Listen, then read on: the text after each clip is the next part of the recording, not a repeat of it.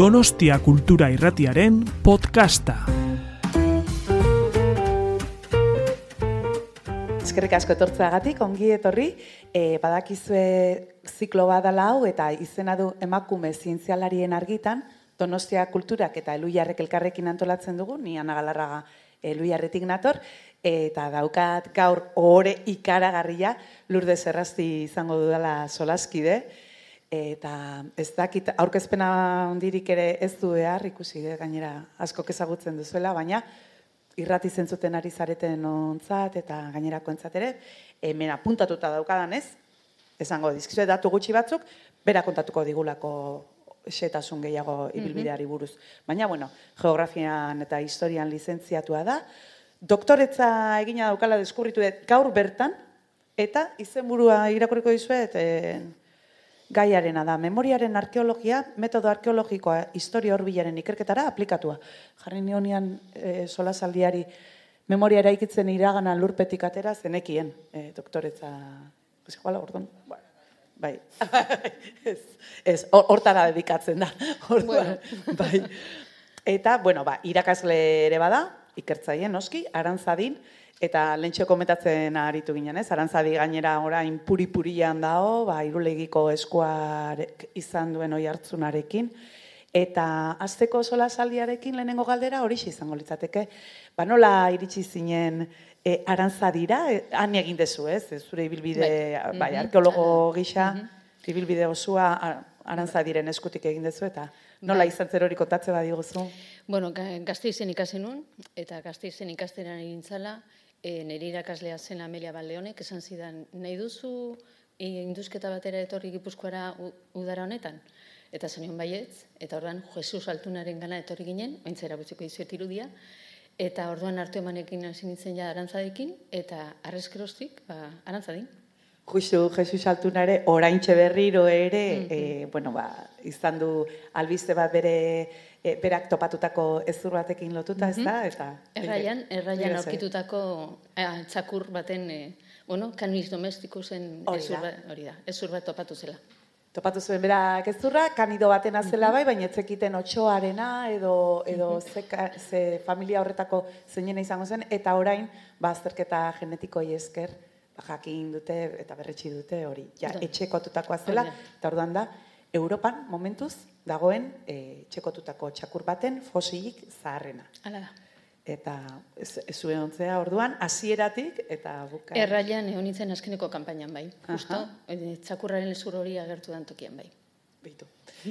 Eta en, egintzen nuen lehenengo hartan ze, ze garaitako, izan ere, historia horretik hasi eta gerrazibiraino, eta berriagoak ere induzketatan eta izan zera ikertzen. Eta... Bai, erakutziko dizuen bezala, eh, hasi nintzen paleolitikoan, bai. eta gaur bukatu dut garaikidean, garra zibileko, ah, bueno, hobiak astertzen. Ordan egin dut ibilbide kronologiko guztia. Bai? Eta ez, zer berezitasun daukate, eh, oso oso desberdinak izango dira, bai metodologikoki, ez da? Industeko garaian? Ez, arkeologiak du metodo bat eta aplika daiteke modu berean antzinako e, astarnategietan eta gaur egungo astarnategietan. Metodoak balio du, edozein momentutan eta edozein lekutarako. Ah, balio. Ba, behitu, ba, nik pentsatzen nuen igual, e, historia horrekoekin, ez, batez ere ez, ez dakit, ba, nola geruza gehiago dauden, orduan... Bueno, baina da bai, komplikatu, baina metodua berdina da. Metodoa berdina da, bai, bai. Eta bilatzen dezuen informazio mota ere berdina da historia horrekoetan izan edo historikoetan. Bai, bai, izan behar du, berdina, bai, bai. Mm, ez dakit, e, segun zen, zen nahi duzun topatu, edo zen nahi duzun atera, baina berdina da, bai. Ondo hori estatzen dituzun, le, el, bueno, konklusioak berdinak izan daitezke. Eta zer nahi izaten dezu ikusi? Bueno, segun, e, gizakiaren, gizakiaren ibilbidea, gizakia nola bizi zuen bere garaia, segun e, ze garaitan gauden, edo nola izan, niri gehiago interesatzen zait bizi zena baino, nola izan. Aspaldi egindako elkarrizketa batean esan zen idan, ze desberdina zen ezurrak biluzik ikustea eskeleto bat, mhm. edo eskeleto horre ja jantziak eta objektuak balima zituen ja identifikatzen zutenak e, horre pertsonara hurbiltzen dintuztela, ez, erropek eta objektuek. Hala da. Hala da, eta bere soinu bietan topatzen ditugunean, noski arroparik ez dugu topatzen, mm, salbuespen batzuk badaude, baina gutxi, baina objektuek informazio ikaragarri ematen digute bereietaz. Ez zoitura zituzten, e, erretzailea ziren ala ez ziren erretzaileak, siniz, sinisten zuten ala ez, medaila bat zintzilik, lepotik zintzilik zera matelako, Zare, gauza asko informazio asko ematen digute inguruan dauden objektuek. Eta e, baita ere, ba, bere garaian zeuzkaten, ba, igual fa, familia edo zenitartekoen e, ari hoiek ere, ez? Bai, baita. Eta familia bazuten haiek, eta gaur egun ere badute, ondorengoak ere baituzte. Eta hor bai da, desberdina oso izan Mhm. historia horreko induzketa bat. Bai, bai, ba, bai, bai, asko bai, jota inguruko erakundeekin eta izango dezuela harremana, edo ja harremana ba, familia artekoekin eta... Karo, guk hobi baten, hobi baten induzketan ari gela, e, inguruan ditugu zenitartekoak. Paleolitiko garaiko induzketa baten ez daukazuelak hori zu zaude, alameneko lurra kentzen eta ura estertzen. Baina ez daukazu inungo sentimenturik inguruan. Berriz, zenitartekoak aldamenean dauzkazula, horrek beste balio ematen dio eta gainera beste, ez nuke esango presioa, baizik eta beste sensazio batzuk bizi dituzu. Bai, askoz ez diferentea da, eta gaina hartu emanak zeharo diferentea dira. Zuk ez duzu ezur bat aurria, baizik eta persona baten ezurdura daukatzu. Ai, eta gaina daukazu onduan, ba, Bere, hori da, bere biloba edo bere bai. o, lobia ber- berdin da, ez? Bai. Bere, berarekin zer ikusia daukan persona bat. Pentsatzen dut horrek asko asebetetzen zaituztela, ba, zuek langileok hor zaudetenok jakitia, ba, memoria horretan zelan egiten dezuen. Bai, Horretarako e, iruditzen zaizu, neko aitortza jasotzen, duela, zu- jasotzen duela zuen lanak instituzioen aldetik eta laguntzak eta Bueno, gu hemen ezin gera kejatu. Euskal Herrian daukaguna, be, 2002tik daukagu konbenio bat eh, Euskal Gobernuarekin, eta egin behar den guztia egiten dugu gaur egun gogora institutorekin. Nafarroan ere antzeko gauza gertatzen da, 2008tik gerostik, ja daukagu Instituto Navarro de la Memoriarekin, horrekin daukagu hartu emana, konbenio bat eta egin behar den guztia, bereien laguntza daukagu, beraien babesa daukagu. Berriz, estatu mailan beste tokietan, ba, segunetan nun. Alda, oso aldakorra da. bai. Eta Bai. en, ai, jo, nintzai zertzen. Hala eta guztiz, nahi bali mazuen, kontatuko izuet irudien bitartez, Bai. eta gero sortan da azten dira zugun galdera, zei bitzen. Bale, bai. Ba, hola ikusten dituzu irudiak, bale? Ba, bueno, hasiera, ointzu bertan anak aipatu du, hasiera hemen izan zen, hau da amaldako basuloa, eta amaldako basuloa izan zen, justu hain zuzen ere, aipatu dugun erreiaren ondorengoa. Hemen hor dago Jesus Altuna, bere taldea, eta bizera horia dagoen hori, horrekin dagoena, ni naiz, bale? Ordan hor hasi ginen, eta justo, ba, paleolitiko garaikoa, hau da, goi maleako paleolitikoa, ordan gaude, momentu honetan Magdalenien zeren garaian ginen, e, induzketa egiten. Bueno, eta hau da taldea. Eta beti talde badago, zen edete, hau ez da sekulan egizaten banakako lan bat. Barkatu ez, que justo hori izan galdera. Disiplina arteko tasunaz asko hitz egiten da, eta zuena bai da, lan bat, era bat, disiplina eh, elkartzen direla, eta danan beharra da ona. Hori da. Eta hori. Hori da, Orduan- eta behin baino gehiotan erakutsiko dizuet taldea, porque benetan talde lana da. Guztion artean egiten duguna. Hor daude sedimentologoak, hor daude historia aurrean aurre espezialistak, biologoak, e- era askotako formakuntza duten persona daude. Eta hor dago Jesus Altuna, bueno, berez momentu horretan zuzendaria zena. Bueno, eta anari kontatu didan bezala, e, eriotza da aztertzen duguna. Hemen duzue, Gipuzkoan dagon antzinakoen e, ezurdura. Hain zuzen hasiz e, lortuz, bueno, topatu genuen, e, e, ondarribiko jaizkibel inguruan, jaizkibel bertan kobasulo baten, eta, eta da, zalantzari gabe, zaharrena. Bale? Eta da, justo postura horretan, goikoa, goikoa ere antzeko dago jarrita. Bale? Eta hasi ginen e, kobasuloak aztertzen. Kobasuloetan e, garai hartan bereziki paleolitikoan, baina bereziki ondoren neolitiko garaian eta brontzearoan lurperatu egiten zituztelako ze, beraien kideak. Eta lurperatu egiten zituzten esurdurak bertan utzita eta inguruko ba, txintxilikarioa jarrita. Adibidez hor dauzkazue, txintxiliko olare bateko aleak, ez, hor guztiak, edo puntak urrengo bizitzan beharko lituzketen e, bestelako armaketa. Eta hori da, arkeologoek lan berezik lantzen zutena, baina gehien bat, Pako eta Biok egin genuena da, ezurrak aztertu. Eta hor dako zuain zuzen ere hor, kobasul horretan jarri duzuet iruazpen ere herrikoa delako, aretzabaletakoa, eta e, hor dago behaz bat, eta berak ankilosatu zeukan behatza, eta aurkitu genuen ba, postura horretan. Horan badakigu, beraien gaixotasunetaz ere topatzen ditugun ez Eta zenbat urte bizi ziren ere bai. Baitare, a, gutxi gora bera hipotesi bezala planteatzen dugu, hori da, adina ere ateratzen dugu. Eta gehien bat ateratzen ditugun ezurrak dira nekropolietatik, hori daukazu herriaroko bat, edo elizetatik, bai, hor ba- bertan daukazu eliza. Eta hola agertzen dira, gehienetan eskeletoa osorik agertzen da, e, kasu honetan daukagu harriz egindako e, hilobietan, baina izan daitezke egurrezko edo bestelako materialez egindakoak.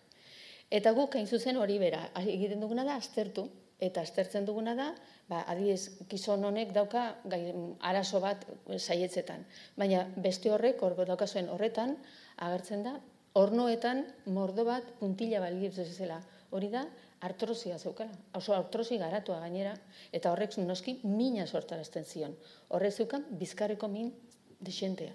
Ordan hori da ezuretan topatzen duguna. Edo bekaldean daukazue e, hortzak, eta hortza daude oso igatuak, ordan e, benetan ikusteri badaukagu zemotako dieta eramaten zuen. Dieta biguina zen, ala berriz dieta gogorra zen.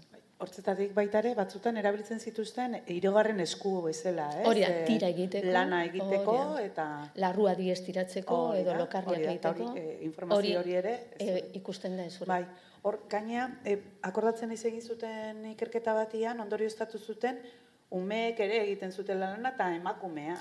Bai, garai baten ere e, txotzak erabiltzen zituztela, Mm. e, o, e, ba, aginen artean edo hortzen artean garbitzeko, batzutan erabiltzen zituztela, ba, garbitzeko eta orduan zuloa dago, igadura dago eginda, zuloak egiten dituzte tartean artean. Ataporkan era aurkitu dituzte olakoak. Abitu. Bai da, bai bai. Orduan oso ikua omen da. Ja. Bueno, a ber, a ber, txon. Bueno, eta gero ateratzen dugu guztioa aztertuaz profila. Ze profil demografikoa dago da, zenbat ume zeuden, zenbat gizonezko, zenbat emakumezko, eta adina eta sexoren araberako banaketa egiten da. Eta horrek erakusten du zemotako gizartea zen. Adibidez, normala izaten da emakumezkoak lehenago hiltzea, gazteago hiltzea. Eta hor ikusten da, ez helduak diren gizonezkoak gehiago dire emakumezkoak baino. Gaur egun alderantziz, emakume Baina ezkoak emakume asko, gehiago. hori da, baina emakume asko hiltzen ziren erditzeko momentuan. claro. Eta, claro, horregaitik, ez ziren, eh, bi- bueno, asko, ez ziren asko bizitzen, bai? Eta hor daukazue adibidea, bale? Eta hau badakizu ana, porque inoiz hitz egin dugu honetaz, Hala, la joya de la corona. la joya de la corona, hoxe bera. Hau da San Juan Anteportan Latinan astarnategi bat, mila bederatzerun da larogeita marrean topatu genuena, ni aurdu nengoen, eta e, umea, jai, bueno, alaba jaiosan ekainean, eta hilebete terdio eranduago, hemen nengoen induzketan. Bularra ematen nion, eta berriro induzketara joaten nintzen. Bueno, hemen aurkitu genitun, e, aterpe, arkaitz, arket, aterpe baten azpian, aurkitu genitun, irureun da hogeita amairu personen ezurrak. Dana batera, eta horrek esan nahi du, danak aldi berean hilobiratu zituztela. Hori ez da normala. Horan, hilobiratu balima zituzten dano batera, suposatzen du, zeo zer txarra gertatu zela.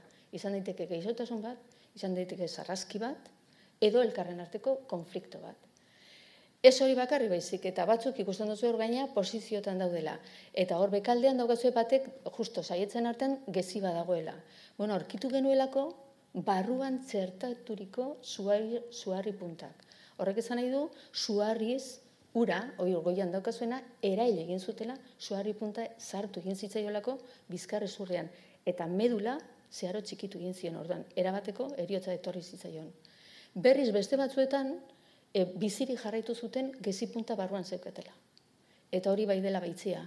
Arek dauka besoan, besoan hemen kubito eta radien artean sartuta eta gertitu zitzaion como korpo estraño, esaten dana, eta beste horret zeukan lepoan sartuta. Gazteizko bi bat museora balimazuazte, hori ikusiko duze irakusgai. Benetan oso bitzia delako, olako kasuak oso gutxi egon direlako. Bueno, ba hemen, dauzkagu ama bost. Batzuk bizirik jarraitu zuten, eta beste batzuk berriz e, hil egin ziren. Orduan, hemen garbi dago, konflikto handia zeuzkatela, e, violentzia handia zegoela, eta elkarren arteko e, burruka zeudela. Eta horren ondorioz, oin beste persona batera hilobiratuta zeuden. Esan dizuet irunetik gora, hoien gandik, eun ziren bosturte berako umeak.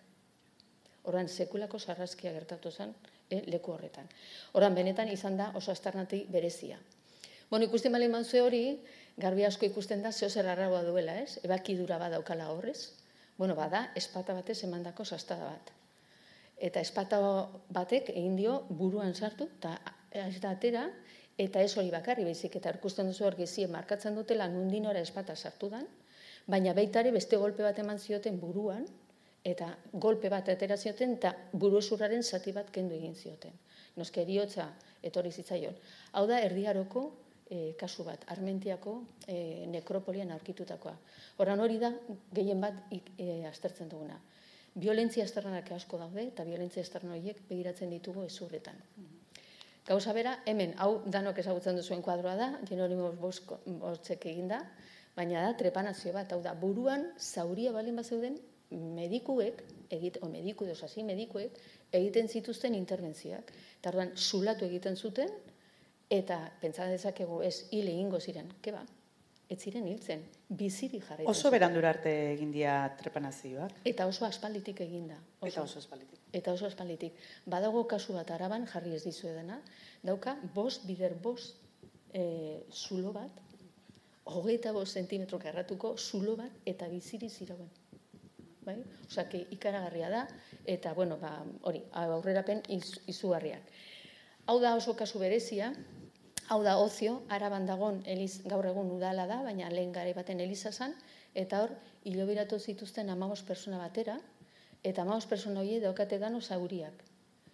Begira zazu ez zulo daukaten buru horretan. Buruan sartu zitzaion proiektila da esfera hori, amie sortzi milimetroko esfera hori, batetik bestera zeharkatu egin zion. Eta, noski, eriotze etorri zitzaion. Dana daude erailak.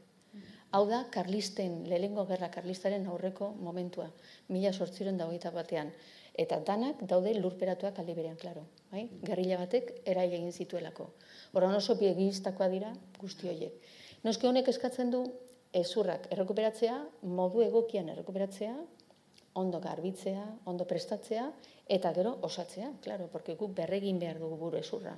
Gero ulertu alizateko, puzle bat, hori da, puzle egin behar dugu, ala da, bai? Kaso honetan bezala. Baina, segurazki, a ber, txoin. E, ez duzu imaginatuko, igual, beste gauza batzuk eraztertzen ditugula, eta dira momiak. Eta esango dizue, bueno, momia nun Egipton, ba ez, inguruan ere baditugu momia batzuk. Hain zuzen ere, hau arrasatekoa da. Entzun da zenuen. Bai, zu kontatu zenuen. Hau da, Santa Inés, Amandre Santa Inés, nire aita zenak kontatu zidan, bera txikitan goratzen zuela, Elizan, San Juan Elizan, arrasateko parrokian, zegoela emakumezko bat e, momifikatua, eta e, joan ginen galdetzea, Elizara, eta paitzak esan zigun, ke ba, ez dago, eta gero galdetu egin zuen hobeto, eta esan zuen, ah, bai, igual bai, eta eskilarapean iskutatua zeukaten momia. Eta momia, hau da, Eta da, Inez Ruiz de Otalora. Oso personai garrantzitsua, bere zen arrazelako, okariz jauna eh, Felipe Bigarrenaren idazkaria.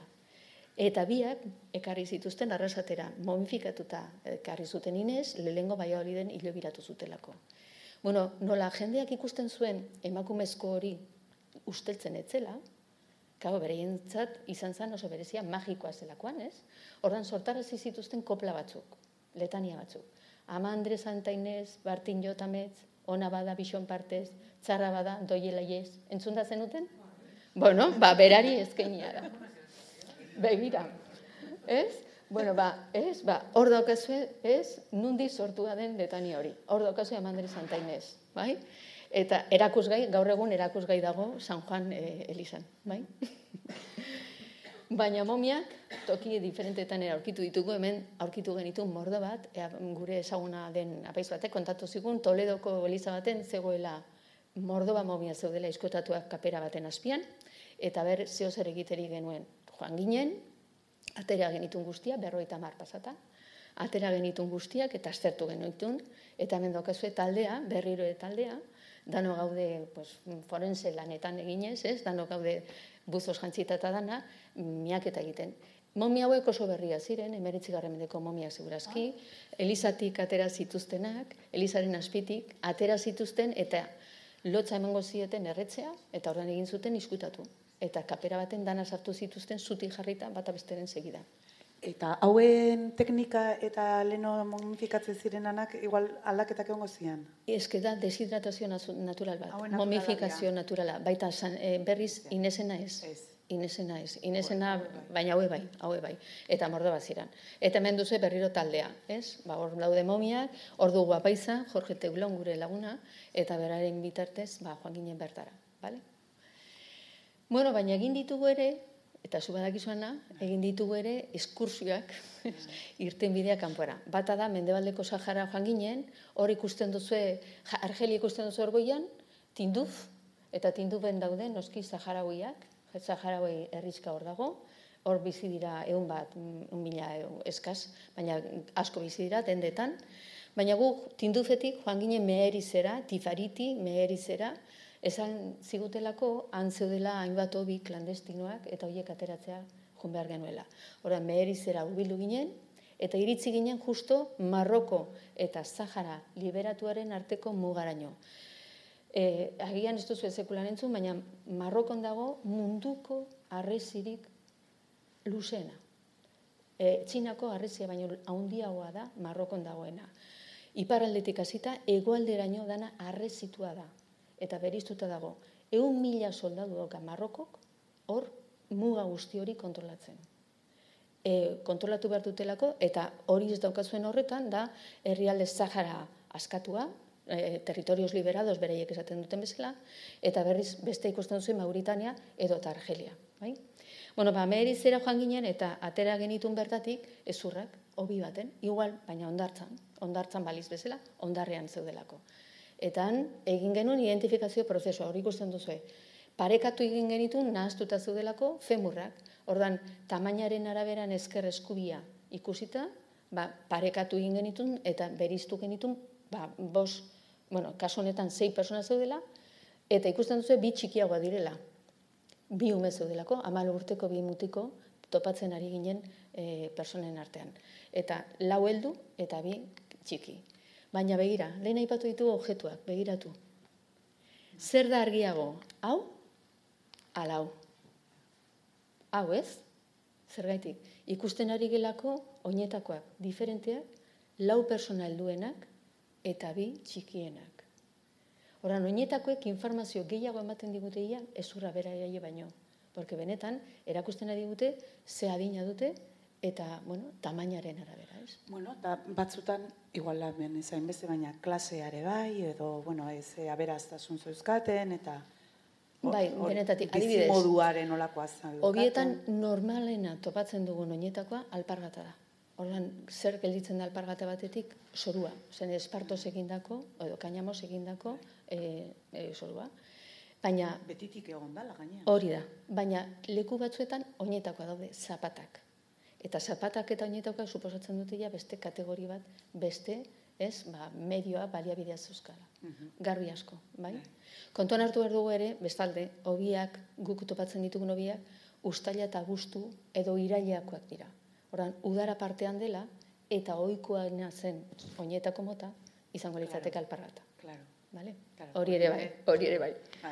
Bueno, hemen duzu irudia, noski dana grabatu genuen, mozorratu behar izan ginen danok, beduinos, Mauritaniako jaskerekin, porque ginen mugat, mugatik kilometro batera. Marrokiarrek katalejoekin vigilatzen zuten zer egiten ari ginen. Gu joan ginen onera, e, bueno, babestuak, hor dago Carlos Martín Beristain, justo lehengoa da, bera ibili da munduko, e, ustot, amar komisio, komisión de la verdad, momentu honetan Kolombian dago, eta berak eraman ditu guzti horiek aurrera. Txilen eta... Txilen, leku askotan Guatemalan, bai, leku askotan ibili da, eta berarekin joan ginen Saharara. Bueno, eta gero berriro egin genuen besti bidei bat, eta bidai horretan berriro aurkitu genitun. Imaginatu, aipatu ditugu objektuak, bi persona topatu genitun hemen. E, bertan gurekin zegon semea. Eta mm, aurkitu genitun objektuak, besteen artean, bere pasaportea. Bere.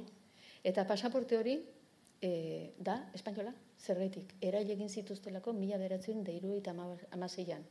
Hau da, kolonia justo abandonatuta zegoela, gaizki abandonatutako kolonia, claro. Ordan Espainiarrak ziran, eta Espainiar papela zizkloten. Eta hor dago, pasaporte de España. Kusten duzu? Ordan, identifikatua, edo eun peseta. Kusten duzu biletea? Danok ezagutu duguen eun pesetako biletea, ez? Espainiarrak zirelako, eta beraiek, bueno, ba, e, biztande normalak balira bezala. Baina marrokiarra bertaratu egin ziren, eta eraile egin zituzten. Hemen duzu, karneta, Sahara, Documento Nacional de Identidad, la provincia 53, hori da.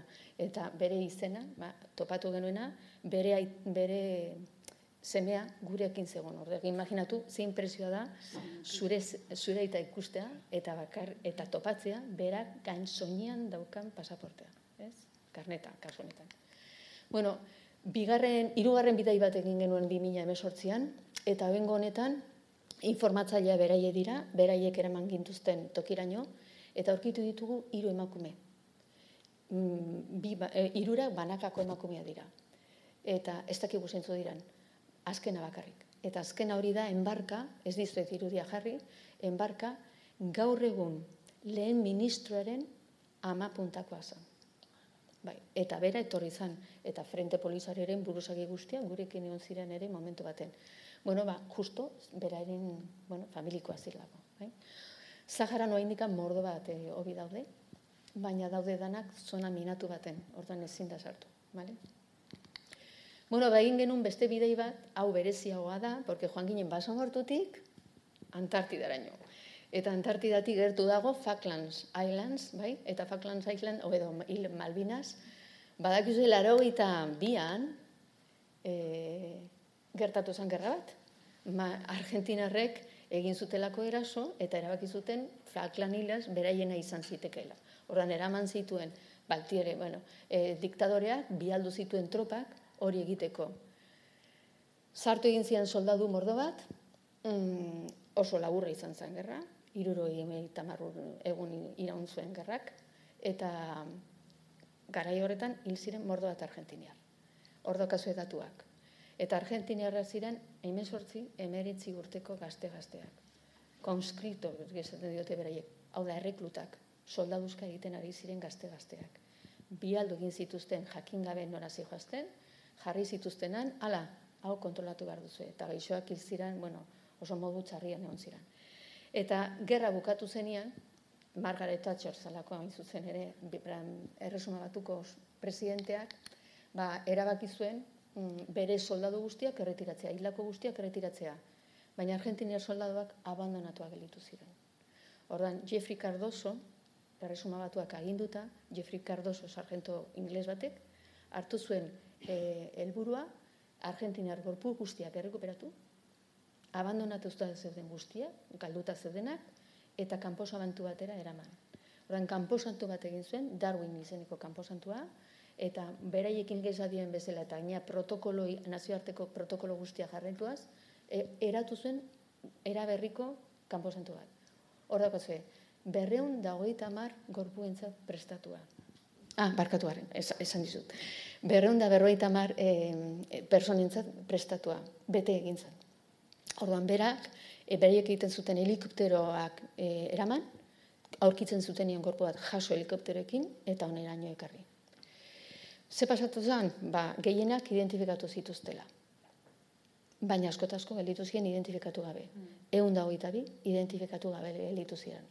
Horren, bi mila eta mazazpian, nazioarteko konbenio baten bitartez, eta guruz gorria tartea zelarik, egin gentzan enpresa bat, bertaratzeko, ateratzeko ez ezaguna ziren guztiak. Eta hilobi hoietan, ez ezagunak direnak, edo izenik gabeko zeudenak, jartzen du bere gainean, soldado argentino solo conocido por Dios. Brutala da baietz. Oso gorra da. Bueno, ba, soldado argentino solo conocido por Dios, oiek guk ateratzea eta izena jartzea. E, miak eta guztiak eginda, joan ginen, atera genitun guztiak, egun eta biak, eta e, bi, bi eta piko egon ginen bertan, atera genitun guztiak, egun bakoitzean ateratzen genitunak, egun berean hilo beratzen genitun, hor daukazu hilo biratzeko prozesua, bai? eta inguruan, soinean, aurkitzen genitun batzutan dokumentuak. Imaginatu zer dan, soinean Argentinar gazte hoien gorputzen gainean, oso zeudelako, ez noa esplikatzea, baina saponifikatuta zeuden, gorpuak osori zeuden, kasi, eta soinean, kartak, beramari idatzitako kartak. Eta kartak ikusi, eta gelditzen ginen danok, eta nik osenki irakurtzen nizkien. Bueno, imaginatu zer dan hori ez, amari kontatzen diona, eta bueno, bialtzerik izan etzuen karta, hil egin zelako lehenago. Bai? Horan, oso gauza impresionanteak dira, oso, oso, eta emozionalak oso. Horan, momentu baten iristen da, ba, zu, zure burua gogortu behar duzula, porque jarri behar duzu distantzia bat, porque bestela sentimentuak Gainez. gainezka sorten zaituzte eta jan egiten zaituzte. Bai. Bai. Bueno, ba, hau da taldea. Talde horretan Britaniarra daude, daude e, Espainiarrak, lau, eta noski Argentiniarrak. Eta hor eserita dagoena da, gure burua, Morris, e, guruz gorritik etorri zena. Eta berak izan zuen e, ba, lidergoa, noski. Hm? Bertan egiten genien dana, radiografia dana, denetatik. Osa, imaginatu, ikerketa guztia egiten geniela, bertan. Hm? Saponifikatuta egotia gainera lagunduko zuen baitare, ba, bintzat. Bai, bai, batzutan bai, bai. Danak hiloberatu genitun, eta gaur da eguna, danak identifikatuta daude. Bai, zoriona. Bai. Sekulako lan izan zen, laginak hartu zitzaizkien, Argentinera behaldu da izan ziran, Kordoba laborategian egin dituzte, eta danak identifikatuta daude. Falta dira bi, baina segurazki zenitartekoa jakin ez dutelako. Porque, badakizue, ADN froga bat egiteko ez da bakarrik ezurra behar. Behar dugu familiko beste lagina, ba, lagina kotejatzeko eta konparaketa egiteko. Ez badaukagu familiarik ezin dugu inola zer identifikatu. Bueno, baben identifikatu dira. Aurten bete dira berroi urte, gerra gertatu zela. Eta hoin veteranoak, bizirik iraun zuten veteranoak, ari dira induzketa arkeologikoak egiten terapia moduan. Terapia moduan, porque beraiek oso gaizki pasatu zuten, ez dute gehienek gainditu, abandonatuak sentitu dira, asko, bueno, eta engainatuak, abandonatuak dana, salduak ikusten dute bere, bere burua, eta arduan noen erabili dute, eta ari die induzketa arkeologikoak egiten, bueno, nola lagungarri bezala, eta oroimen hori nola behit berreskuratzeko. Bai. Osa, arkeologiak balio handiak ditu. Ba, ba. bueno, eta danok ezagutzen duzu segurazki, hau da e, gehien e, okupatzen gaituen gauza, eta da e, obiak, gerra garen, gerra zibileko obiak. 2000 urtean, kasualitatez, joan ginen leonera. Kasualitatez esaten dut, porque beraz, bertatik deitu ziguten, e, ezaguna genitun, biak antropologa eta arkeologoa, eta esan ziguten hobi bat e, ateratzeagoa nahi duzu gurekin etorri, eta joan egin Ez genuen inundik inoera pentsatzen, topatuko genuena. Eta ere gutxiago, ondoren etorriko zen guztia. Porque joan ginen hobi bat egitea, baina ez genekin gerra zibilak oinbesti hildako sortarazi zituela. Entzun, oinbestiko iralde, e, jende iraia, e, ilegalki iraia. Porque hilketa dira. Eta hilketa hori benetan dira oso gorra. Pentsazazue, momentu honetan, e, datua dira, eun da amaika mila seguru, garzone pailea jarso zituen eun da amaika mila personen e, izenak, Eta segurazki gaur egun pentsa daiteke ehun da hogeita mar mila persona erailak izan zirela.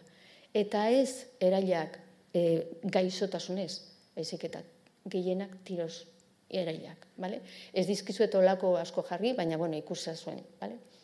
Eta jarri dizue gaztelaniaz, porque nik uste oso aproposa dela, hau da eneko, birritan erabiliko dut eneko komikilariaen e, komikiak, eta berak hori izaten du, una fosa komun lurpean galduta, klandestinoki, galdua. Oroimenean galdua, eta guztientzat, gizarte oso entzat, izkutatua. Hori da guk ateratzen duguna, berez, ez? Hori da, lurraspitik, zuk esan zenun bizela, lurraspitik atera. Ez? Gusten ez da ni lista naizela da beak egiten dela lan hori. bueno, eta gia da lurpean egon dira eta isilik egon dira izua egon delako. Ez bakar bildura baizik eta benetan izua izan delako eta bez, seguru zeuen etzetan nere etzean bezala, esaten zen horretaz ez egin iso. Eta iso izaten zen ez dena isiltzeko eta horretaz ez egiteko modu bakarra. Bueno, ba, hori da, isultasun hortatik, haustura hortatik ateratzeko. Eta gehienetan, emakumeak etortzen zaizkigu, ero, eh, askotan eh, komentatu dugun bezala, oroimena emakumezkoa delako. Kastelaniaz esaten da la memoria, eske benetan, la memoria es femenina. Eta oroimena emakumen esku dago. Emakume gordetzen dute familiaren orimena, familiaren argazkia, familiaren historiak, emakumen dago. Eta emakume baten eskua da hori, eta berak erakusten dugu argazkia. Eta argazki horretan dago, bere aita zena, bere familia, bere aita zena, herriko alkatea, por cierto, eta bere nahi zarrena, biak akatu zituzten. Eta justo, aligea induzketa egiten atzean. Egun horretan, 2000 bostean, berarekin zeun dela, etzan inoretorri. Bakarrik beraiek eta gu. Familia eta teknikoak. Herriko alkatea zen, baina herriko inorretzen urbildu. Etan, e, e, ez, e, inorretorri. Gero erakutsiko dizuet obia. Hau da bera, emakumea. Geroztik topatu izan dugu emakume hau, eta noski oso eskertua dago, eta askotan esaten digu, bere bizitzeko egun honena hori izan zela. Porque benetan hiru seme izan ditu, hiru semea berarekin zeuden, beraren izan mm, ba, hori, aparteko, benetan aparteko aparteko eguna, bai? Bueno, Obietan, jende asko ibiltzen gera, berriro esan dugu, talde kolektiba da, ikusten duzu danok inguratzen ari gea, obia, ez? Danok esku hartzen ari gea. Neska asko horrere. Bai, nun ez. adibidez, antropologia ere momentu honetan emakumezkoen, emakumezkoena da. Bai, emakumeen esku dago, bai. Eta gehienetan hobietan egiten duguna da, erregistro egin, lehen aipatu duanak, ez? Erregistro arkeologikoa, hori da, marrazkiak egin, eta guztia, topatzen dugun guztia, jaso, dokumentatu. Hor daukazue, hiru persona, takitik hartzen duzen goian. Hiru eskeleto daude, bata bestearen gainean jarriak, ez? Bueno, hiru horiek dira, hiru preso, iez atera zirenak, gero erakutsiko dizuen eskabamenditik, eta harrapatu eta katu zituzten.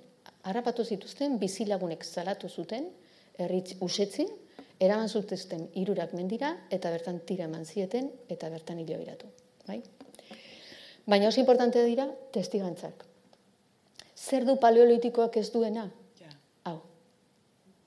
Hau da, jendea daukazu, ja, gutxiago, baina daukazu jendea inguruan kontatzeko pres dagoena edo kontatzeko badaukana eta asko eta asko dienetan dira oso historia bogorrak.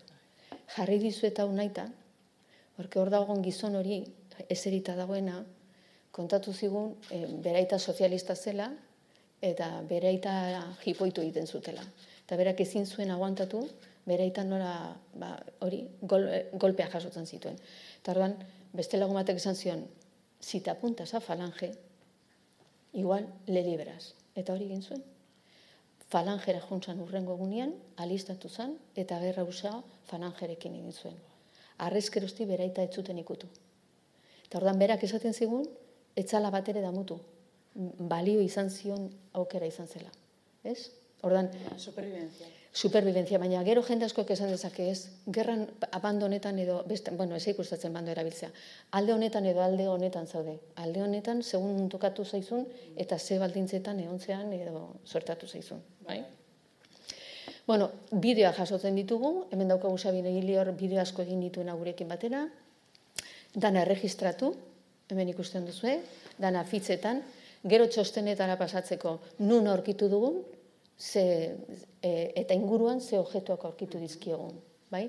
Horgo oso importantea da hori ere, bai? Bueno, hobi bat, nolakoa izaten da? Ba, era askotakoa izan daiteke. Zulo bat, ez ezaguna den zula, goiko argazkian ikusten ondo, ondo fijatzen bali bazaiten, borran ikusiko duzu ez zer. Gurutze badago markatuta. Norbaitek jarri zuen marka hori, hobia zegoela jakin bazekielako, eta enborrean markatu zuen gurutze bat gurutze horrek eraman gintun bertaraino. Eta atzean daukazuen zuloa da, zuzen hobia ja ustuta. Bai? Beste batzuetan, izan daiteke, ba, familiek hilobi itxura ematen diote, ben naiz da, zelai baten, edo, bueno, ka, e, bueno e, izan, toki baten izan, eh? oso ezaguna den tokian, eta hobi baten itxura eman. Eta gienetan, hola aurkitzen ditugu, e, obiak eraskotakoa dira, hau da kanaren desgeba, hemen aurkitu genitu amala persona, gehienetan izaten dira bide bazterretan, ordan, esaten denean gaztelaniaz, estan en la cuneta, benetan ala da, kamioiekin eramaten zituztelako guztia, jetxi arazten zituzten kamietatik, eta jetxi ala, hil egiten zituzten. Ordan bertan gelditzen zian gorpuak, eta bidertzean gelditzen ziren, eta gero bertan hilo biratu. Ordan benetan hobiak kunetan daude, ez? Alboetan. Hau bezala, oso hobi ezaguna dago, bale? Eta hau da lehen erakutsi dizuen emakumearena. Ondo begiratzen bali mazue, badago alde bat hemen. Eta da, dano jarrita daudela bata bestearen segidan ordenatuak. Zer adirazten digorrek? Ez zituzte larrika bota. Ez zituzun nola nahi ere hilo biratu. Zain duz hilo biratu zituzten. Nola, segurazki ezagun batek hilo biratu zituelako. Ordan, mimos, ordenatuz, gogorra egingo zitzaion, baina ordenatuaz jarri zituen bata bestearen segidan. Lelengua da aita, bosgarrena da semea. Eta, bueno, ala huertatu zelako, baina, bueno, hor daude aita semea. Bai? Eta beste batzutan oso bi txiki txikia daude, hemen bezala, justo sorbaldak sarteko ainako zabalera duten hobiak. Hemen dago zen arremazte zeuden emazte pare bat, eta, eta gizonezko bat. Emakumeak bazekien gizon eramango zutela hiltzea, eta orduan esan zien e, biktimarioi, esan zien, nire gizona di joan tokira, ni neu ere banoa. Eta biak akartu zituzten. Hau, la tejera araban. Bai? Bueno, gehienetan, obiak olako itxura izaten dute, oso simplea, lauki zuzenezko itxura, gorpu bat etzana dagoeraren tamaina, bai? Eta, bueno, asko dira, adibideak, guztien artean, momentu honetan, e, talde guztien artean, e, Espainia estatu osoan, sortzirunetik gora hobi atera ditugu. Asko dira, eh? Bai. Guztien gandi, guztien artean, amaika milatik gora persona. Asko, itzela, bai? Eta oinikan falta dira. Bueno, la... identifikatu ia danak? Ke ba. Ez. Ba. Naiko genuke. ez, ez da, baitzutan ez da posible. Batzutan e, ezinezkoa da, e, ezurrek ez dutelako biharrainako profila ematen, eta beste batzutan zenitartokak ez dauzkagulako. Bai. Adibidez. Beste kasutan ze frustrantia, eh? Bueno, e, ba, bai. Bai, jakin, e, bueno, batzutan badakigu zein izan daiteken, eta ezin digu demostratu genetikoki ez daukagulako familiarik.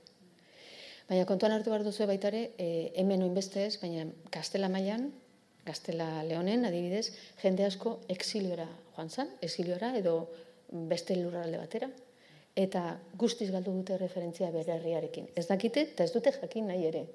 Osea, e, bere erroak ahaztuta dauzkate, eta ez dute bueltatu nahi. Batzutan, hiloberatzen zituztenian, gainera, e, nahi egiten zuten gauza, fijatzen mali mazarete dana daude, buruz bera e, norbait hilt e, lurperatzea buruz bera suposatzen du nolait aparteko zigorra. Kristau munduan beti gora begira jartzen da, zerura begira. Bai? Buruz bera jartzea infernura begira egotea da. Ordan kristau e, zinismen horretan aparteko zigorra litzateke.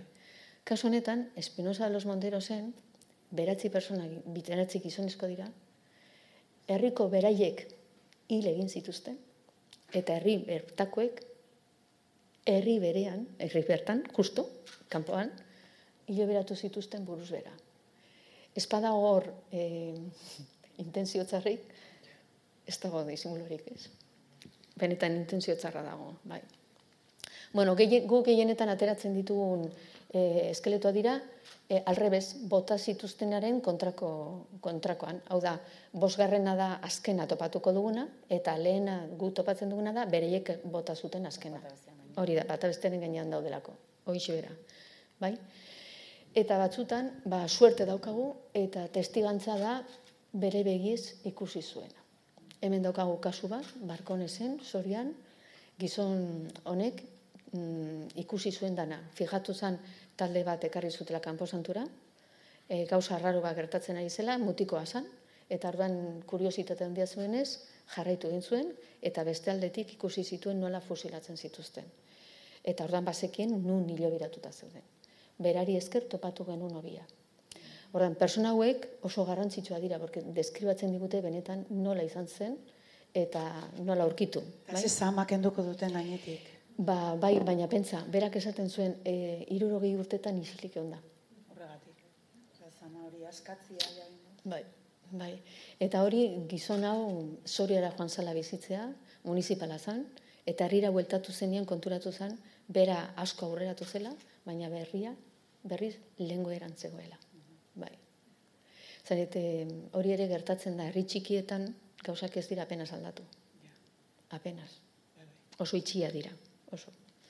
Bueno, eta hon ere hilo biratu zuen genitu, bueno, normala, ezurrak, eta jarri zuen naita, hago, fija zaitzeko, e, zeitzure izango zuten gorpuek jarri berri zirela. Zula egin zuten justo tamainarako. Zei gorpu sartzeko aina. Ez gehiago, ez du sartzeko. Ordan askotan egin izan dugu hau, performance moduko bada, baina zenitarteko iba hemen eskatzen dugu hau egin aurretik, noski, porque behintzat oso gordina izan daiteke, oso gorra. Baina egiten da, eta ordan beraiek ere jabetzen dira, nola eh, jarri zituzten. Porque ikusten duzen, ordenatu zituzten, zuloa txiki hau egin alizateko. Bueno, eta tiroak, noski, tiroak daude. Eta tiroak dira, gehienetan buruan. E, kasu honetan, bi disparo ditu, baina disparoen trajektoriak ikusteri daukagu, nundi sartu zen proiektila eta nundi atera.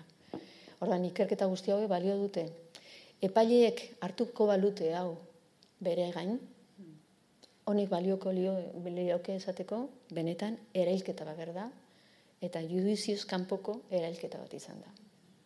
Extrajudiziala da. Eta horrek, ba, mobitu behar, behar luke espediente bat. Bentsat espediente bat. Baina, berrogeita urte pasatu direnez, bereiek salbu daude eta ez da ezer gertatuko. Ordan guk egiten dugu inoiz behar balima da, hor e, dokumentazio guztiri izateko, bai? Eta batzutan historia benetan oso polita dira. Jarri zuet bi. E, hemen duzu Paulina, bi dira Paulina. Han emakume gura da, eta gumengo hau Paulina dira, biak izenez. Eta Paulina, neskatila zela, eskolatik atera zan, eta ikusi zuen jen movimentu askoa zegoela. Soldaduak jendea zebilela herrian, larra soainan. Tardan, kuriositatez ere urbildu zan kanposantura. Eta ikusi zuen bere aita, lurperatzen ari zela korpo bat. Obi hori egiten ari zala. Eta hori gelditu zitzaio markatua. Beraita ikusi zuelako kanposatutik kanpo hilo biratzen. Gauza raroa zan. Ordan gogoan izan zuen eta etzion inori kontatu eta oindala eh, zazpi bat urte, alako baten baskaltzen ari zirela, notizian azaldu zen gu topatzen ari ginela tobi bat ez dakizet, eta alako baten ala, amak esan zien alabi. Ha, bani badak inundagon bat. Nola dakizula, nola? Eta orduan kontatzen hasi zen. Eta orduan eraman zitun bi alabak bertara, arabe eman zuten informazioa, eta aurkitu genuen noski hobia. Lau persona daude, lauak dira baitare gieslariak, kartzelatik ies atera ziren e, lau preso. Bertan, kilometro pare bat besterik ez dago, bertan erail egin zituzten. Eta nola ziren gorriak presoak etzuten merezi kanposantuan hilo biratzen. Orduan, kanposantetik kanpo jarri zituzten. Paulina da bera, eta Paulina da identifikatu, oietako oien bat identifikatu da, bueno, bi identifikatu dira, eta da Leonzio de la Puente hor dagoen argazki horren e, hori da. Eta berez alaba, Paulina da. Etorri ziran, e, Valentziatik, o, e, noski arrastoa jasotzea. Horan, historiak bi emakume, adin bereko bi emakume, izen bereko bi emakume, elkartu ditu. Ja. Ez? Gauz hauek batzutan gertatzen dira eta, ez? Novela baten irakurtzen duzu, ematen du zindiz gaitza dela. Ezin dela gertatu. Bueno, ba, bai, gerta daiteke, ja. eh? Holako gauzak. Ia dandanak gizonak dira topatzen dituzuena? Ez, bueno. euneko e, ia bi, euneko bi, emakumezko dira. Euneko bi bakarrik. Bai. Eta emakumea danak batera baitaren izaten Batzutan gizonezkoekin batera? Bai, bueno, leno kasu bat aipatu duzu. Hori da. Eta beste batzutan emakumeentza bakarriko emakume, kar, emakume kartzelak zeuden bezala, ez da? Mm, batzutan dira errepresaliatuak. Errepresio egin da. Errepresaliatuak topatu ez dutelako gizona, topatu ez dutelako bere semea topatu ez dutelako beretzeko norbait, bai. eta bere ordez emakumeak eraman zituzten. Bai? Adibidez, e, Sevillan, jerenan, daude, gilenako amazazpi emakumezko. Danak edadetuak, bataz beste, berroita marreteko emakumea dira. Bai. Gehienak amak, eta eraman zituzten, semeak harrapatzerik itzaukatelako. Bai. Bueno, eta kasu igual larriena, eta guretzat ere oso gogorra izan zena, izan zen e, Gaztelun, Dona Marian, Nafarroan, emakume bat, abuztuan, mila beratzen da maziko abuztuan, emakumea gelitu zen bakarri bere zei seme alabakin, gizona gerrara joan zalako, e, etzukan jatekorik, eta zeurazki janaria bilatzen zuen alzuen dekutan. Ordan danok, leporatu zioten lapurra zela, oso gaizki ikusi izan zen herrian, eta alako baten herritik kanporatu zuten, bota egin zuten. Bere familiarekin kanporatu zuten. Eta bera joan zan bizitzea borda batera. Egun baten, ez daki inor zer, ze pasatu zen, borda erregin zen. Eta familia desagertu zen. Ama, zei zeme alabaki. Dano pentsatzen zuten lehenda bazela. Historia hori etzara posible. Ezin zala familia hori nola nahi desagertua.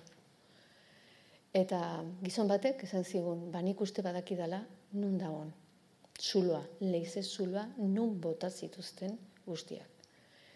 Espelologoa sartu ziran, Nafarroko espelologoa, eta sorpresas, ez zuten hauek topatu. Topatu zuten beste hilako bat. Beste hilakoa oso gertukoa zen. Indar familieko semea. Ez ez otra historia. Bai? Baina, tratante famatu baten semea, akatua ere, leizera botata, gainean topatu zen bakero praka batzuk soinan zen aukala. Ordan judizializatu zen, itxi egin zen leizea hori ikertu arte, eta gerostik guajan ginen. Garbitu zuten guztia, sartu ziren hiru espelologo bakarrik, bueno, espelologian eta alpinismoan dakitenak, e, dana garbitu zuten gainean mordoa saborra botata zegoelako, eta ara nun, aurkitu zuten lehengo semea, amasei urteko semea. Gero, behatzi zeme, bigarren behatzikoa, saspikoa, bosteko, iruko, urte tardiko. Ola izan zan familia, bai? Eta ama etzan agertzen. Ba, genitun ja, ia zeme alaba guztien e, e, elementuak. Eta ama etzan agertzen, eta arduan kanpoan imaginatu, e, zurru bat hasi ziren zaurtzen. Ah, ama, amak zeme alaba bota egin zituen, eta hanka egin zuen. Beste gizonezko batekin, erritik kanpo atera zen. Horan, inguran genitun familikoak ere. Gau, beraiek ere oso keskatuta. Eta lauko baten, agertu zen, amaren buru ezurra, eta amaren arrastoa justo, zeuden, e, justo vertikalean. Ordan hor daukazue guztiak markatuta zeuden bezala. Ate genitun ezer guztiak danazaka banatuta zeudelako, eta laborategian banatu egin genitun adinaren arabera guztiak. Hor daukazu orduan amasi urteko, behatzi urteko, zazpi urteko, bost urteko, hiru urteko, eta asunzion urte terdiko neskatilatzua. Bai? Orduan, ze bertatu zen? Ez dakigu. Bota egin zituzten. Aurretik tiro eman zieten, ez dutugu tiroaren astarnari topatu. Zuzenin biziritot bota egin zituzten, bai igual. Eta bota ostean, gainean bota zuten, ainguruan zeuden enbor morda bat, gaineratu egin zituzten, hori estaltzeko, tapatzeko. Eta benetan lortu zuten, hori historian borratuta zegoen bere historian zeharo borratua, eta suerte izan dugu topatu ditugulako. Horan batzutan, eh, esaten dugunen iragana errekuperatzen, benetan iragana hori ahastua dagolako, eta naita tapatuta izan delako. Bai? Bueno, eta bukatzen, ez dakit, lusatzen nahi, nahi, ez? Bueno, bukatzeko. e, eskabamendia ipatu girritan, danok ezagutzen duzu e, iruñera zoaztela, mendia, antena jozinta dagoen mendia, ura da eskaba mendia, eta eskaba mendian gotorleko badago, gotorleko hori da San Cristobal gotorlekoa, emeritzi garren mende bukaeran eraikia izan zen lurtzurupean eginda. Horregaiti dago, ez da kanporatzen, ez da behetik ikusten, horregaiti, baizik eta lurtzurupean eginda dagoelako.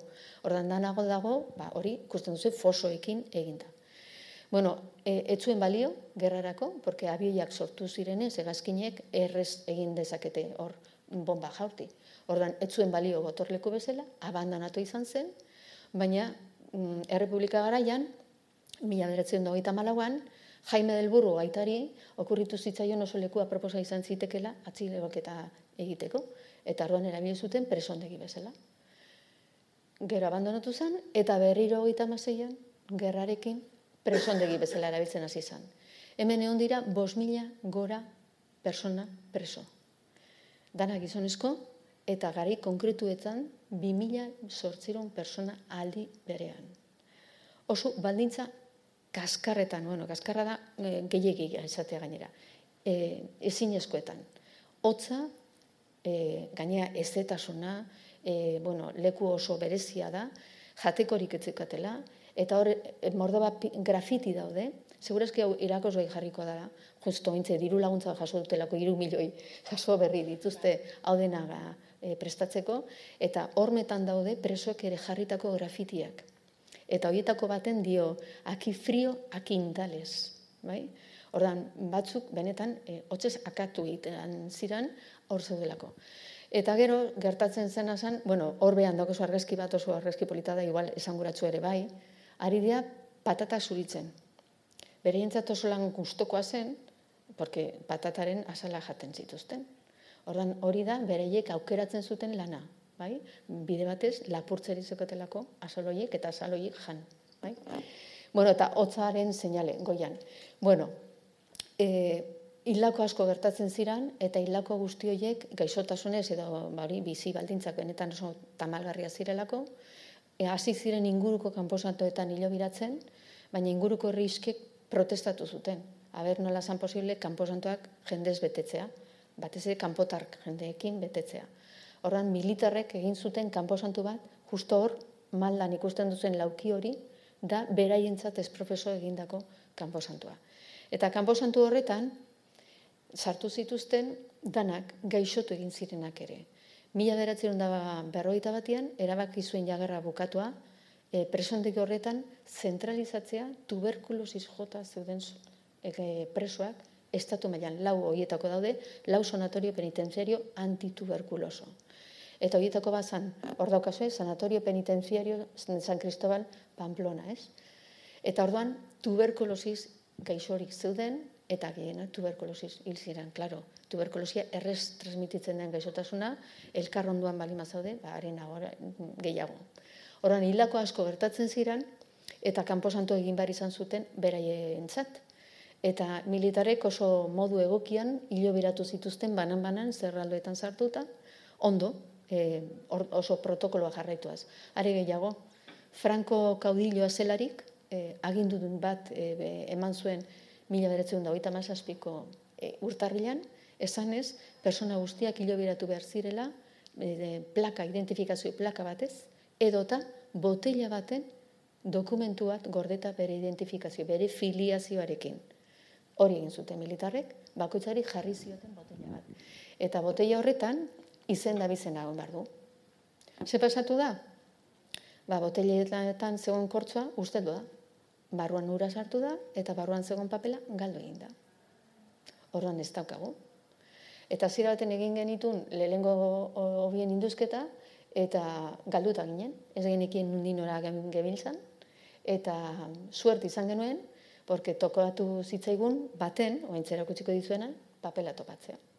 Eta gero krokitz batez lagunduta, ja jakin dugu guztiak zentzu dira. Zenitartekoak etorri dira gurekin beti kanporatu behar genituenian, abizatu egiten genien, eta orduan gurekin etortzen ziren, hauek Kataluniatik Tarraonatik etorri dira zuzen ere, eta bere zenitartekoa ateratzen ari garela, bertan daude ikusten eta jarraitzen. Bereintzat oso momentu berezia da, oso, bai? Orduan famili kontu badaia, ez? Eta esan bezala, topatu genuen bat, botella bat, jarabe botella bat, eta jarabe botella horretan roska zegon, baruan tapoi bat, eta baruan dokumentu bat. Eta dokumentu horretan dio, Andrés Gangoiti Cuesta, marinero de Gorliz, de Gorliz, Bizkaia, hogeita irurtekin hilda, por tuberculosis, por anaxemia tuberculosa, condenado a 30 años de prisión en Valladolid, cumpliendo sentencia en este penal. Bai, dena, oza, parra forretan, bere biografia guztia dakigu. Zein zan, nungua zen, ze kondena zuen, zenbat urte zituen, eta zergaitik hil zan. Eta zergaitik dago hor lurperatua. Andres Gangoitiko ez da, gorlizekoa. Bere biloba, Australian bizi da. Andrew du izena. Andrew bere osagaren omenez. Eta etorri egin zan Australiatik. Ikustea nola ateratzen genuen e, bere osagaren ezurrak. Baina, klaro, familiaren austura badago. Eta zurrak entregatzeko momentuan, ez genikien familiako zein eman. Benetan, gauza bitxea gertatzen dira. Eh? Orduan, e, gure kide batek egin zuen erdian utzi eta bere utzi konpontzeko. Ah, bai. Bai. Umei bezala. Umei bezala. Bueno, errekuperatu zuten osaba, kau, gazte bazan, eta orduan bereien hartan lizkarra zeuden, eta bueno, baina Andri horrek e, eraman zuen, ba, hain zuzen ere, zati bat, botellaren, botella bera, oromen bezala, Australiara. Hemen duzu, justo, momentu, oso momentu berezi izan zen, grabatzen ari ginela, bo, oso berezia, oso. E, imaginatu zer dan, badakigu zein dan, badakigu zein dan, eta papel honetan jarrita dago zein dan, ez? Bueno, e, horrekin, artxiboetako dokumentzio guztia, e, testigantzak eta genetikak ematen digu identifikazioa. Hor, goian daukazuen papel horretan igual atentzia deitzen dizu, izen zerrenda badago. Eta una saka, zer da una saka? Presondegi batetik, agindu militaren bitartez, esaten zuen, e, a, e, presondegiko buruak esaten zuen, en la relación siguiente, son sacados en libertad las siguientes personas sakados en libertad, gezurrutza zan, atean jartzen zituzten, eta falangistak edo bere herriko jendea, zai zegoen, hartzen egiten zituzten gizon guzti hauek, eta eramaten zituzten erailtzea. Horretik esaten da saka, benetan e, presondegitik atera egin dituztelako. Hor daukazuen hori adibidez, Rafael, gero erakutsiko dizu, Rafael Martínez Moro, lehengoa, erakutsiko dizu zein dan bere semea identifikatu dugulako eta berarikin batera zijoazten guztiak. Mm. Bai? Claro, horrek bai laguntzen du asko gero. Bat identifikatu ezkero, badakigu taldean zentzu dauden. Orduan, asko laguntzen digu, artxiboetako eh, os fundamentala dira. Bai. bai? Beti ez daukagu, baina dagoenean oso onak dira. Bai? Bale. Eta batzutan, bitzikeriak. Eh, hor goian ikusten dut botoi bat esaten dizut, uniforme bateko botoia da, horre laminean daukazen uniforme bete bezalakoa. Eta jartzen du SS, ez da SS gestapo. Da eh, SS San Sebastián. Urumean, justo burdin, burdinezko zubiaren onduan, obra egiten ari zirela, trenbidea aldatzen ari zirela, eh, abizatu ziguten ezurra topatu zituztela.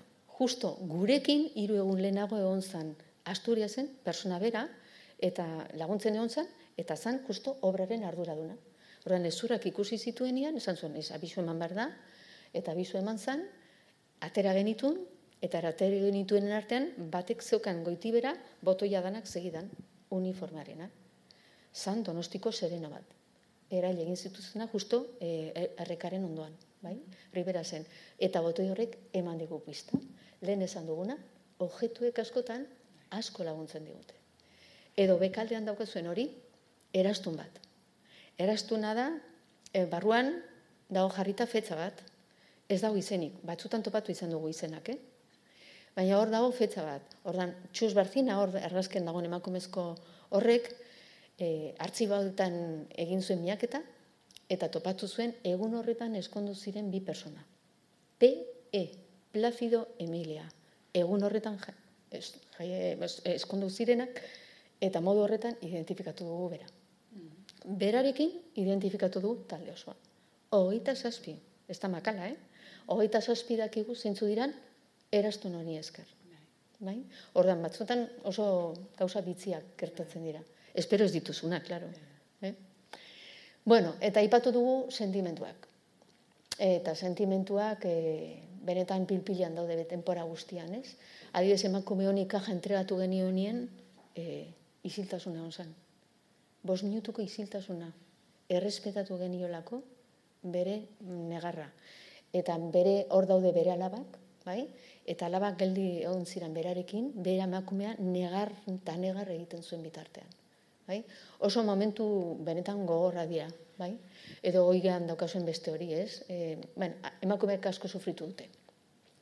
Lehen galetu dira zu, e, aber nola daukagun babesa. Bai. Eta ipatu dizut guk badugula jarri dizuen nahi eta horregaiti Nafarroan e, egon baten entregatu genitun identifikatu gabeko genituen berrogeita bost, hemen arantzadin genitunak, eta egun berean eraman genitun dano kanposantura. Han panteoi badago, eta neon ziren autoritate guztiak.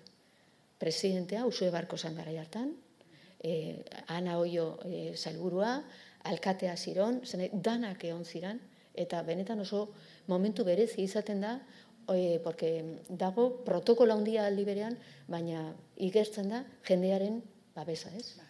Eta autoritateen babesa. Eta zenitateko kasko laguntzen dute, e, eskertzen dute hori. Eta horrela lamenean duak gogorako, e, gogoran entregatu genitun, hor dago urkullu, haintzane zenarro gogorako burua, eta justo momentu horretan entregatu genion, entregatu genizkien e, la, bos familiei beraien gorpuak, bakoitza izegokion gorpua. Bai? Oso momentu berezia dira. Bost hoe gainera soldaduak ziren, konbatienteak. Hau da, bostak ziren komunistak, topatu genitun lubaki baten, e, bostak ziren Facundo Pérez Agua bataioiko kideak. Egun berean ere izan zirenak, lubaki baten inguruko bizilagunek e, iskutatu zuten lubaki aprobetsatuz bertan lurperatu zituen. Eta aurkitu genitun eta guztiak identifikatu ditugu. Eta hor duzu Rafael Martínez Mororen semea. Oso arro, bere aitaren arrezkerekin, bere aitaren kajaren onduan.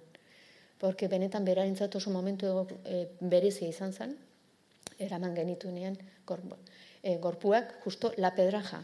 La Pedrajan, eh, ez dakit ezagutzen duzen ingurua, bai, ezagutzen duzu? Ez que, bueno, en justu La Pedrajako kasu horren forensearekin erreportajea inun Ah. aldizkairako eta gero teknopolisekoak Ah, egin ah, zuten. Fernando Urbe, Bai. Fernandorekin, claro. claro, Eta, claro. eta justu atzo kontatu nien kasu hori lagun batzui, ju- ez, bueno, harrigarri, kontatuko. Eun da hogeita mar persona arkitu genituen hor. La Pedrajan. Eun da hogeita mar. Errez esaten da, ez? Eta dana dira gizonezko, dana dira burgos inguruko eta herriosatik ekarritakoak. E, bueno, batzu dira sakak, eta beste batzu dira herri harrapatutako personak eta hortara eramanak erailtzeko.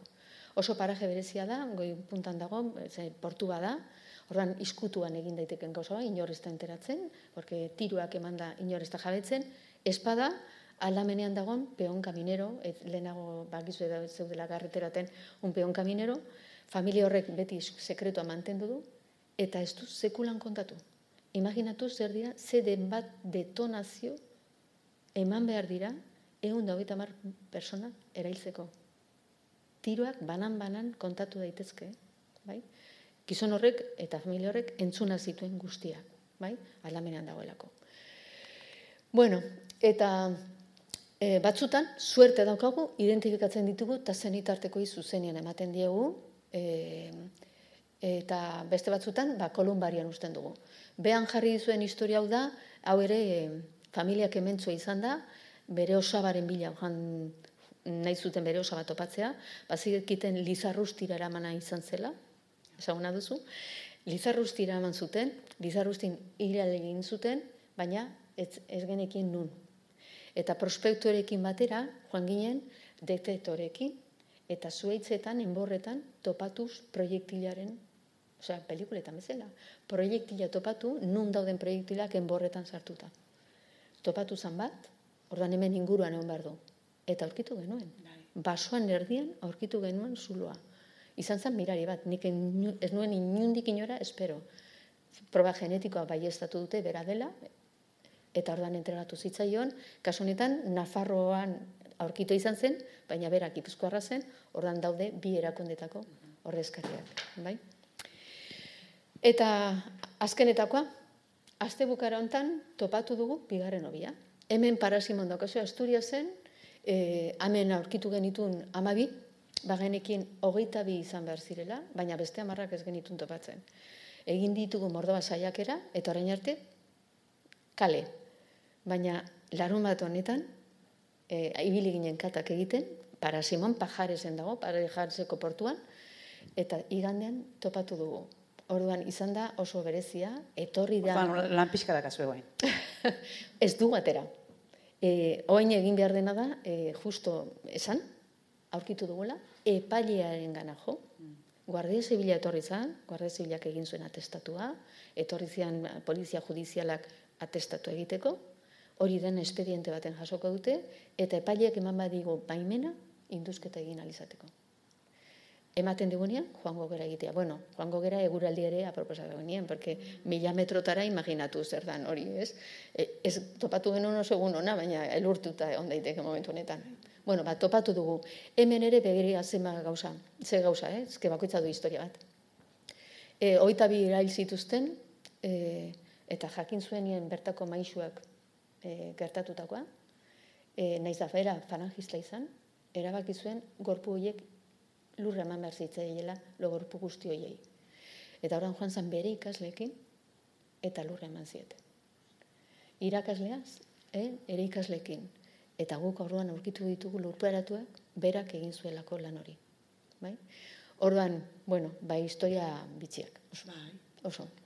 Bueno, eta taldea, bueno, hemen duzu taldea gehiago egon zitezken, jarri duzu bi argazki, bai? Jende mordo bat gaude, era guztietako jendea asko eta asko prospektorea dira, mm, arkeologoak, biologoak, genetistak, fin, denetatik, edo hemen, hemen ediz, e, hemen zuti dauden, bueno, ez dakit bitzamarra urdina dituztenak, Israeletik etorria dira. Israeletik etorriak izan ziren, brigadista baten bila ibili ginelako, e, berez palestinar brigadista baten bila ibili ginen, ez gonen suerte izan, ez genuen topatu, baina, bueno, beraiek Israeletik mobitu ziren e, bere osabaren bila, bere osaba zan, erdikoaren osaba. Eta zoritzarrez, ba, ez dugu asmatu, eta, bueno, ez dugu asmatu, ez daudelako ja, kenduta daudelako. Bueno, hemen, eta azken hau dizuet, ba, oso bertakoa, eta, ez, gauza polit bat jartzeko, ez? Ez besteko tristura. E, oindala bi urte, bi mila hogei da, bi mila hogeian, gure lankide Carlos Almorza, e, Carlos Almorza e, ari ezan artxiboa miatzen justo altzon, e, bere lanerako, herri herri egiten ari direlako lana, eta han solas galdian zeudela, esaten, bueno, eta altzuko handita ze kontatzen dira eta hola ziren, eta nun dago lurperatuta? Ah, ez dakigu, ez dakigu ezikira lurperatuta dagoenik, nola ez dakizuela? Ez ba, ez dakigu, orduan, e, gugan etorri zan, eta zen, hau, begiratu behar dugu, eh? hau ez da posible, begiratu behar dugu benetan, altzo azpiko, oso txiarri txikitxo, oso bada, altzo azpiko kanpo antoan dauden ala ez. Konbenzitu gindu. eta etorri ginen, joan ginen, eta e, egin genuen lehengo zuloa familiaren ohiko tokian. Bakizu, dano, kanpo antoan daukagu familiaren lekua, ez? Bueno, lehengo herri txiketan alazan. Bueno, hauek ere, e, elize gitarrak, bazeukaten berez tokia. Hor egin genuen zuloa, eta ez genuen topatu ezer. Orduan esan genuen, bueno, agian ezurtegira botata daude. Eta ezurtegia da, justo eskina horretan, dagoen angulutxo hori, hor dago, botatzen diren ezurrak, kanporatzen dituztenak, eta horra botatzen dituzte. Eta hori ustu genuen. Eta alako baten, ez dizu bat irudi jarri, morriz, ointzi erakusiko izu ezin dan, e, atera zuen ezur bat. Ezurra, olako tamaina, besondoko, besoko e, ezurra, umero bat.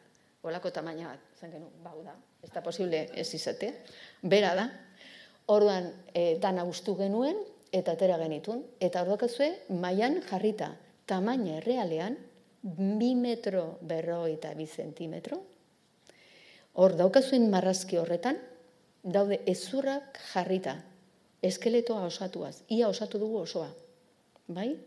Hornuak, hankak, besoak, burua, masaila, dana. Hornoetan, ez dizu erakutsiko, baina hornoetan arazo larria zeuzkan, noski, imaginatzen duzuen bezala, eta hornoetan dago artrosi ikaragarria, ikaragarria okerro okerre ibili izan, eta zaur eski azkenien makuilukin ibili behar izan zuen, kau, zeukan tamainarekin, bai? baina aurkitu genuen. Ordan sekulako posa, konfinamentu garaia zen gainera, bueno, justo hori, eta hemen ibili ginen, orduzue mailan jarrita, ezurrak ikusten duzue, bai? Eta, azte sorpresa, egin genuen prensaurrea eta jendeari berri emateko, eta etorri zitzaizkigun bizitan Aitor Agirre eta Jon Garaino. Handia pelikularen zuzendariak. Ba, ba, imaginatu. Of, total. Ez? Eta beraie gainea galdezka ginez, porque horatzen bali mozue, pelikulan bukatzen da, ze, e, bere anaia, lurpe, dijoa, ilobia ateratzea, eta lurra ateratzen du, baina jabetzen da ez dagoela ezer. Erdogan beti egon da zurrumurru bat esan ez, e, inglesak, eta egia da, ingles antropologo batzuk etorri ziren herrira, galdezka, Eta galdetu zieten familiari, aber, posible ezan, e, ezurak e, hundira eramatea, eta familia kuko egin zien. Baina orduan pentsatu zuten agien lapur, lapurtu ingo zituztela, edo lapurrak, lapurtuak egongo zirela. Ba ez, hemen zeuden. Beti egon dira, altzo azpiko kanposantuan. Eta, bueno, ba, sorpresa izan zen, izugarri, oso polita, ez? Bere ekin egotea. Hemen duze berriro taldea, no, ba, noski konfinamentu garaia zelako, eta oain, esplikatzen hasten bali manai zeintzu dauden hor, sorpresa hartuko zenuke, zientzia kontuan dela eta. Adibidez, bigarren lerroan, e, bigarrena dagoena, Rafael Juste jauna da. Neurobiologa, neurozientifiko garrantzitsua, gurekin egon zan bolondrez lanian aritzen e, Morris jauna eta bere familia guztia. Lehen erakutsi zuen guruz gorrikoa Malbinetan egon ginela elkarrekin, ba hemen dago familia guztiarekin. Eta atze aldean dagoena, erdian, da zerpa enpresaren buruzagia. Urreta bizkaia, adimen artifizialeko buru ondinetako bat hemen Euskal Herrian. Ordan ikusten duzuenez, oso jende berezia. Dano bolondrez, altzoko, altzoko handiaren bila, joan ez? Eta danok, ba, hori, banetan. Eta oinbeste, bueno, nolabait zertatu zenez historia, zientzia eta, bueno, guztia, die, hau da, Donostiko International Physics Centerren en erakundeak, e, konbidatu gintuen hitzaldi bat ematea edo aurkezpen bat egitea, handia zuzendariei, handia pelikularen zuzendariei, eta gubioi, bai? Orduan, oso berezi izan zen, porque berriro ustartu egiten da, dana ez, zientzia, historia, ez, teknologia, eta e, prozedura, bestelako prozedurak. Bueno, eta bukatzeko, mm, noski divulgazioa eta mm, erakusketak. Hau da santelmoan egon zen erakusketa bat, eriotzari eskenia. Bueno, ba, eriotzaren alerengo osatiak guk egin genitun, prestatu genitun. Hau lehen erakutsi dizuet, gipuzkoan dago nantzinakoen eskeletoa, ba, da rekonstrukzioa. E, berez, e, konservatu zen, ez guztiz, baina konservatu ziren ezurrapurrak, izan zen hain zuzen ere, maskorre zingoratuta zeudelako eta maskor horiek daukate kal, kalzita, kalzita da, eta horiek egin dutena da konservatu, konservatzen lagundu eh, ezur guzti horiek. Bueno, eta erakusketak nu nahi. Ordan askotan eh, jendeari erakusten diegu argazki bitartez egindako lana, baina batez ere eh, impresionatzen dietena da hobi baten argazki bajarri tamaino errealean, hogeita bost metroko argazki luze bat, ikusteko benetan hobi bat. Hobi bat, eta, bueno, mm, nolakoa da, benetan, errealitatean, ez? Claudio Albizuk egindako argazki itzela da, eta hori erabiltzen dugu askotan, bai? Eta gero triptikoak eta olakoak prestatzen ditugu ba, jendeari irakusteko. Bale. Eta jatorrira bueltatuz, enekoaren komikia, oso aproposa. Memoria historikoa berreskuratzen. Zer egiten dugu arkeologoek? Memoria hori berreskuratu. Bai? Eta memoria hori lagun eskua ematen diegu lurpeti dauden horri atera alizateko. Bai? Eta hori da, bai? Eta bukatu zer. Ba, bueno, eskerrik asko. eh, ze, Nik nahi dut kontatu, la pedrajakoa, vale. vale, zer kontatu nun. Venga. La pedrajako hori daukazue gaina aldizkarian, e, bilatzaian jartze bali maezue, luiar aldizkaria, la pedraja, ba, azalduko zaizue. Eta justu hor, ba, esan detena... E, Fernando. Bai, forentxarekin eta egon nintzen, batez ere bitxikeria badaolako e, berrogeita bost garun topatu zituzten. E, berez garunak desegin egiten dira muskulua eta desegiten da mesela aragia eta gelditzen dira bakarrik ezurrak. Baina leku batzutan elurraren eta e, urila egin baldin madu eta ura gelditu baldin bada, gertatzen da, lehen aipatu duen saponifikazioa, dela mm prozesu kimiko bat, jaboia egiteko. Prozesu hori bera, horregatik izena du horrela, eta garuna konserbatu egiten dira, garuna gantza daukalako, eta bakizue jaboi egiten da, olioarekin, gantzarekin, orduan, hor prozesu hori gertatzen da, eta gelditzen da, garuna, bere formata guzti ikusten da, ba, txikia, ba, hola, bai ez? Bi hemisferio garbi garbi bai, ikusten dira. Ikusten da dana. Mhm. Eta handa pikoietatik, berrogeita bostatera zituzten. Hori beste leku batzuetan ere gertatzen da, eta gerra zibileko beste hobi batzuetan, ari, Sevillan, eta badaude gehiago. Baina, bitxikeria da, la pedrajan atera zutela, munduan ezagutzen dan bihotz saponifikatu bakarra. Eta azalpena da, ba, bihotz horren jabeak, zeuskala organoak gantzez infiltratuta gaixotasun bat zeukan. Eta horregatik, nola bihotz horrek gantza zeukan, ba, saponifikazioa gertatu zen, eta horrela kontserbatuta atera zen, imaginatu zen impresio, bihotz bat, eh, forma ikusten da, eh? oso, oso garbi ikusten da. Eta atera zuten. Bai. Lehengo atera zenien, eh, ez genuen ulertzen ze- zer zen, porque benetan batzutan buru zurra bera gelitzen. Osea, kranio desegina zegoen, eta barruan zeuden bi hemisferioak Bai. perfectamente konservatu zirkulazio guztiekin, eta esaten genuen, ez da posible. Lehengoa, bigarrena, berrogeita bost. Hor Maria Arnal eta Marcel Bagezia musikari batzu Hori da. daukate disko oso bat, e, hor izena duna berrogeita bost, gar- 45 cerebros y un corazón, katalana dia da. Eta abestietako batek kontatzen du histori hori. Nik en, hori 2010an izan zen, Mhm. argitaratu zen 2016an uste dut, 2000 hamar eta maika egin genitun bian. hori da, eta 2016an edo horrela argitaratu zen paperra, eta paperra irakurri nun, eta pues, ja, nola kontatuko dut. Eta gero kantuan berri izan nun, eta junitzen gaina kontzertu, eta, hombre, kontzertu bat ite bali dute, erreportaje bat igual, ez? Bueno, Ikia hongo da. Batzuk kritikatu digute igual hori esela erakutsi behar, baina bueno, ez dakit. Bai, etika kontuak ere badaude Bai, mentaltean badaude, askotan. eta bueno, egia da, e, e, berak... Nik ez dizuet erakusgai jarri, por si acaso. e, bai, baina berak ere nola kontatzen zuen, Bai, errespetu bai, ikaragarriakin eta Bai, bai, zidan. era zientifiko baten. Bai, bai, horregatik eta esaten dira, bueno, baina hau ez kontatu. Ba, ba, ez kontatzen, kontatu zian erita, listo. Hoxe. Bai. Eta, bueno, zuk gauza bera egin dezu, eta plazer ikaragarria izan da. Eta bukatzeko, en, eskatzen diego gonbidatuei, ba, zientzia eta, eta letrak. Esaten dan bere izketa hori zen bateraino dan absurdua eta artifiziala, ekartzeko, ba, pare bat liburu, Baina, klaro, gaur esan duen guztiakin evidentea da, ez da hola bereizketa hori zientzia, eh, que- zientziak direla, ez da? Hoi da. Hori da. Baina, bueno, ala ere, nola liburuak bat behintzat hemen daukago, eta, bueno, ba, pentsatuta daukazu baita ere. ba. Bueno, bai, es, esan zen, bueno, Bai. nik oso gutxi irakurtzen dut ez da Mari Jose.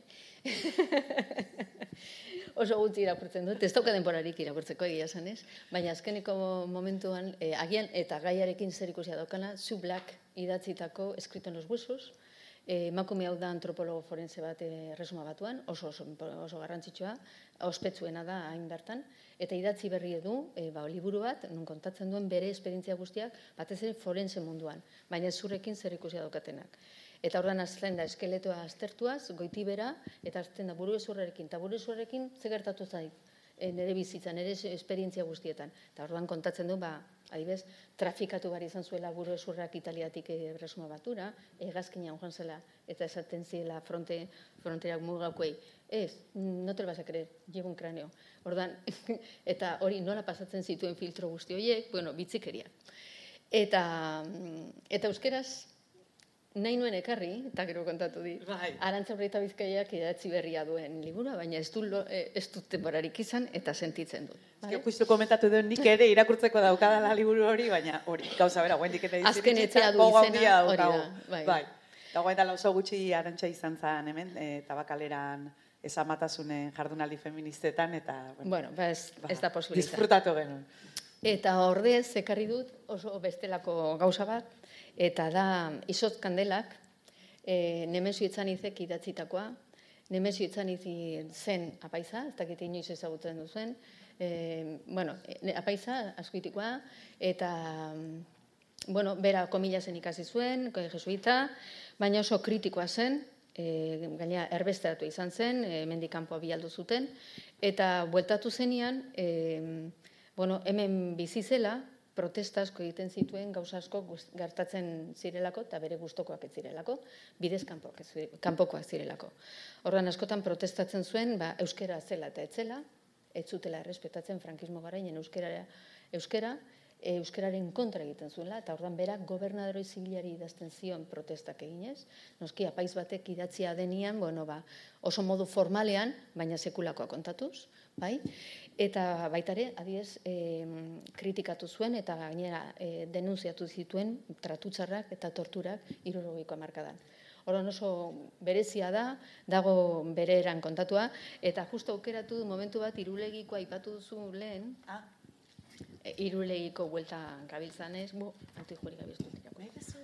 Txoin, zuk ere akurri mesedez, hemen daukazu. Ah, nik irakurri? Bai, venga, hala, hemen vegan. Zein? Vale. Vale. A ber, zer euskera En efecto, con anterioridad a la conquista de España por los romanos, se hablaban aquí otros idiomas propios de España. Vinieron los romanos e introdujeron el latín, destruyendo todas las lenguas españolas indígenas. Tan solo resistió aquel embate el vascuence, es decir, que el euskera es la única lengua propiamente española que ha perdurado hasta nuestros días y que el castellano es una lengua romana, puesto que no es otra cosa más que el latín evolucionado. Euskeren alde egiteko esaten zuen, bertakoa den bakarra euskera da, orduan ezin duzu euskeraren kontra egin, ezin da espainiarrago izan, euskera bera baino. Orduan, hori izaten zuen berak, nemezu izan izek, irurogeiko amarkadan, ez? Bueno, argumento potentia. Orduan, ara nun, irulegiko eskuak eman dio eh, arrazoia ez. Hori da, hori da, hori da. Aproposa, benetan. Ba, Bueno. orain galderaren bat baldin badao, e, dira zortzi terdik. Orduan galdera bat, bi, asko jota. Kau, laguna ditut, ez izango dute. Hori berdina dezatia, eh? Nik horrekin bat nato, placer bat izan dela. Ezagutzen dugulako, maite dugulako, ere kasko. Ba, eskerrik asko nik uste dut, hori baino beto ezin dala bukatu. Eskerrik asko.